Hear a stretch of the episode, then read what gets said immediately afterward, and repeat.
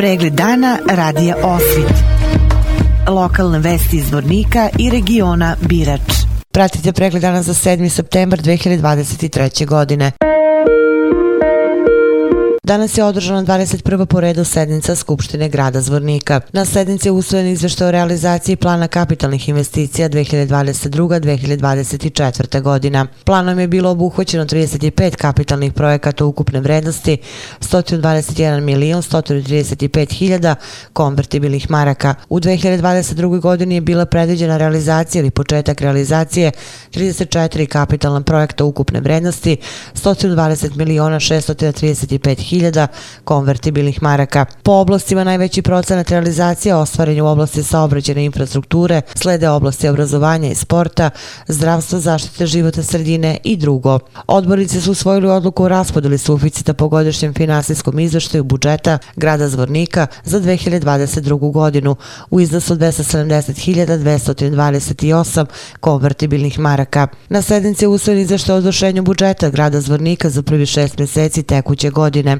Ukupna budžetska sredstva, primci, prilivi, neiskorištena sredstva po osnovu obveznica i kredita iz prethodnih godina za prvi šest meseci 2023. godine izvršena su sa 13 miliona 246 hiljada 134 konvertibilne marke. Gradonačanak zvornika Bojan Ivanović. Kada je u pitanju izvršenja budžeta prvi šest meseci, evidentno je da su rasodi e, veći od prihoda. Na nekim od ranijih skupština, to smo već i komentarisali, šta je razlog, pre svega prihodi od pre, e, PDV-a su značajno bili manji u prvih, pre svega, pet mjeseci, već od juna mjeseca, pa, pa da kažemo na ovamo, došlo je do neke stabilizacije, očekujemo da do kraja godine budžet bude uravnotežen. Prvih e, šest mjeseci neš, negdje oko 36% budžeta. Odbornici su danas osvojili odluku o pokretanju inicijative za osnivanje srednje umetničke škole Vojin Komadina u Zvorniku. Gradonačelnik je rekao da se pod ovom školom podrazumeva da može da bude i muzička, i likovna ili bilo koja druga škola iz oblasti umetnosti. Gradonačelnik Zvornika Bojan Ivanović. Pod srednjom umetničkom školom podrazumeva se da može da bude muzička, e, srednja muzička škola, ali tako može bude i srednja likovna škola ili bilo, bilo koja druga iz oblasti umjetnosti. Znači, ovo, ovo se zvala srednja umjetnička škola, a tu, tu se podrazumijeva da će u okviru nje biti srednja muzička škola. Nakon usvajanja ove inicijative mi se obraćamo ministarstvu e, uh, prosvete, ukoliko bi uh, mi bili brzi i efikasni, kako kaže mi, misli na lokalnu samoupravu i uz podršku uh, ministarstva, vrlo bi bilo moguće da se u školskoj 24. 25. Zaživi srednja umjetnička škola ovde, ovde u, u Zvorniku. Inicijativa krenula od, da kažemo, osnovne muzičke škole, odnosno direktorice, a na inicijativu roditelja čija djeca pohađaju osnovnu muzičku školu, s obzirom da postoji interesovanje da djeca nakon završene osnovne muzičke škole upišu i srednju, jer se radi o djeci od 14 godina. Mnogi roditelji nisu mogućnosti da šalju djecu na, stra, na stranu, a kažem, druge muzičke škole u regiji, pa evo, pokrenuli smo inicijativu i nadam se da ćemo e, dobiti odobrenje ministarstva prosvete i ako budemo dovoljno e, efikasni, očekivati je da možda srednja umjetnička škola u Zvorniku zaživi već od septembra 2024. godine. Odbornici su na sednici usvojili odluku o uklanjanju kupljenog objekta u gradu Zvorniku radi izgradnje parking prostora na lokaciji u B blokovima. Gradonačelnik Ivanović je rekao da će se stalno ići u proširenje kapaciteta parkinga. Bojan Ivanović. Danas smo donijeli odluku, kao što sam i najavio u proteklom periodu, da ćemo ići stalno u proširenje kapaciteta parking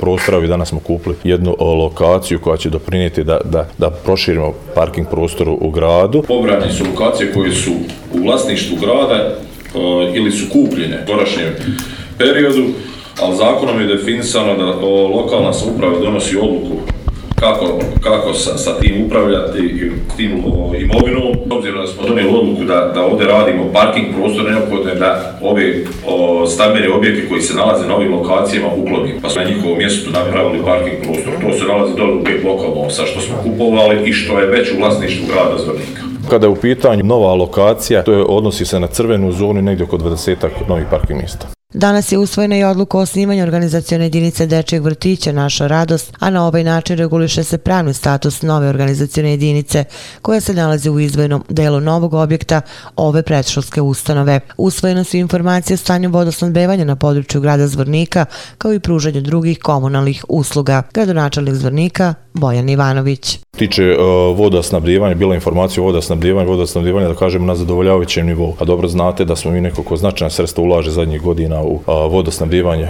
grada Zvornika, to ćemo raditi sigurno i u narednom periodu. U tom narednom periodu očekujemo da dođe do realizacije druge faze vodovoda lokanje Pilica, gdje će još negdje oko 700 domaćinstva dobiti mogućnost da se priključi na gradsku vodovodnu mrežu, kao i vodovod Zapad, devet mjesnih zajednica, negdje oko 1100 domaćinstava. Također očekujemo da u sljedećoj godini kreni i ta realizacija projekta gdje će ti ljudi mogu dobiti mogućnost da se priključe na gradsku vodovodnu mrežu. Usvojene informacije o stanju kriminaliteta, javnog reda i mira i bezbednosti saobraćaja na području grada za period od 1. januara do 30. juna tekuće godine, a odbornici su doneli odluku o izmeni dela regulacijenog plana užeg urbanog područja grada Zvornika i dela industrijske zone Birač Karakaj. Šef kluba odbornika SDS u Skupštini grada Zvornik Bojan Lukić istako je tokom rasprave da stanje vodosnadbevanja u pojedinim mesnim zajednicama nije dobro, te ocenio da postojeća informacija koja se našla danas pred odbornicima nagoveštava novo poskupljenje ovih usluga.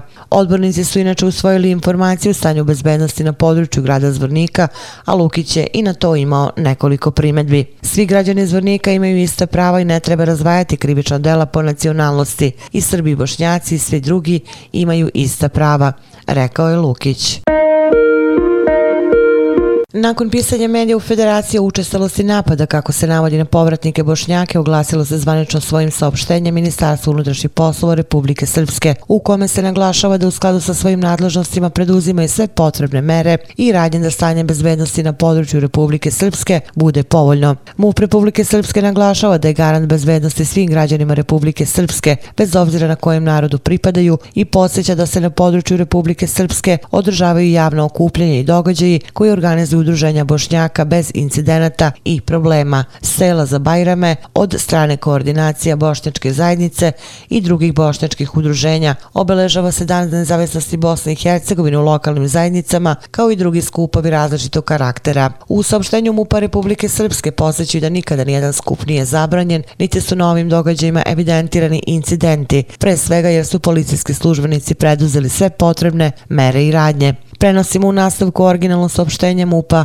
Republike Srpske. Policijski službenici po svakoj prijavi bez obzira na kojem narodu pripada žrtva ili izvršilac postupaju u skladu sa zakonom o policiji i unutrašnjim poslovima, zakonom o krivičnom postupku i zakonom o prekršajima Republike Srpske. S tim u vezi još jednom ponavljamo da se istraga u vezi sa krivičnim delom razvojništvo nad porodicom Memišević u Višegradskom selu Omeragići vodi pod nadzorom okružnog javnog tužilaštva Istočno Sarajevo, područna kancelarija Višegrad i da se u ovom predmetu i dalje preduzimaju mere i radnje i uzimaju izjave svih lica koja se mogu dovesti u vezu sa izvršenjem ovog krivičnog dela protiv imovine. U predmetu fizičkog napada na OM iz Bratunca podsjećamo da su policijski službenici policijske stanice Bratunac identifikovali tri maloletna lica koja su po nalogu okružnog javnog tužilaštva u Bijeljini saslušana na okolnosti učinjenog krivičnog dela, teška telesna povreda. Kada je u pitanju postupanja policijskih službenika policijske stanice stanice Osmaci prema maloletnom licu bošnjačke nacionalnosti, ističemo da uprava kriminalističke policije MUPA u saradnji sa okružnim javnim tužilaštvom Bijeljina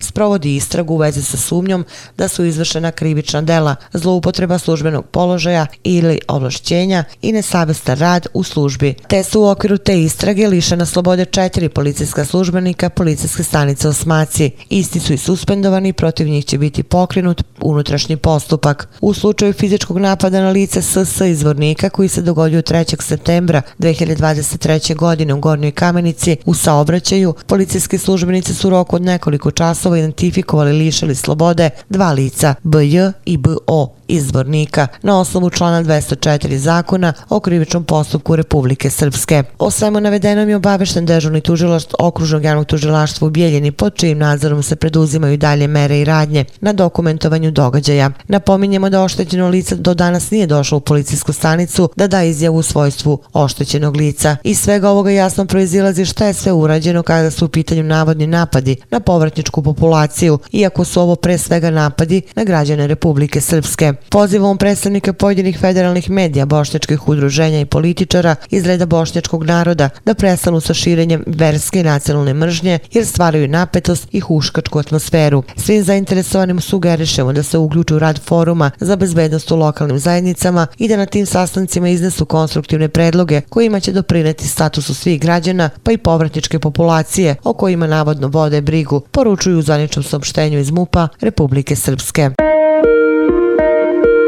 Na suđenju za zločine počinjene na području Vlasenice, svedoci tužilaštva Bosne i Hercegovine govorili su o odvođenju muškaraca na ispitivanje u policijsku stanicu, a potom u logor Sušica. Za progom bošnjačkih civila u Vlasenici protiv pravnim zatvaranjem, ubistvima i seksualnim zlostavljanjima, počinjenim tokom 1992-1993. godine, sudi se Manetu Đuriću, Radenku Staniću, Miroslavu Kraljeviću i Goranu Gariću. Prema optužnici Đurić je bio načelnik stanice javne bezbednosti u Vlasenici, Stanić komandir, Kraljević Kraljević komandir specijalnog voda, a Garić policajac. Suđenje se nastavlja 20. septembra.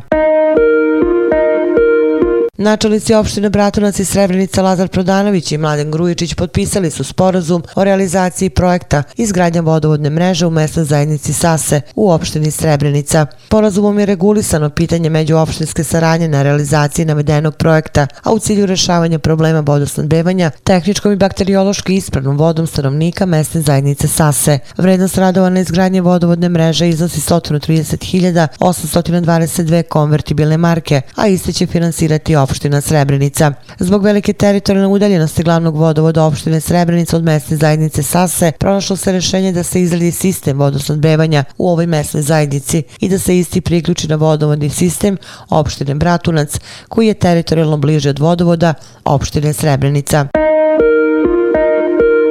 Borislav Gligorević, optužen za silovanje u Liplju kod zvornika tokom 1992. godine, izjasnio se u sudu Bosne i Hercegovine da nije kriv. Gligorević je optužen sa tereti da je u svojstvu pripadnika Vojske Republike Srpske i jedinice Beli Orlovi, teritorijalne odbrane Zvornik, počinio zločin protiv čovečnosti. Gligorević je kraj maja na osnovu potrage tužilaštva uhapšen prilikom ulaska na teritoriju Bosne i Hercegovine, te mu je određen pritvor zbog opasnosti od bekstva. Da podsjetimo pre njega je za silovanje na području Liplja optužen Rade Grujić kojem je suđenje u toku. Vesti iz Loznice. Najlepši banjski park u Srbiji večeras će biti u znaku rock muzike jer će na platovu ispred kurs salona humanitarni koncert održati legendana riblja čorba. Koncert povodom 165 godina organizovanog lečenja u Kraljevskoj banji i 34 godine rada dečijeg odolenja organizuju specijalna bolnica za rehabilitaciju Banja Koviljača i kompanija Peak Handel koja slavi 16 godina postojanja. Bora i ekipa nastupit će od 20 časova, a ulaz je besplatan opširni na sajtu lozničkenovosti.com.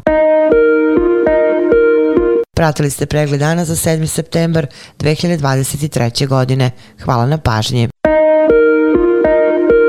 Pregled dana radija Osvit. Lokalne vesti iz Vornika i regiona Birač.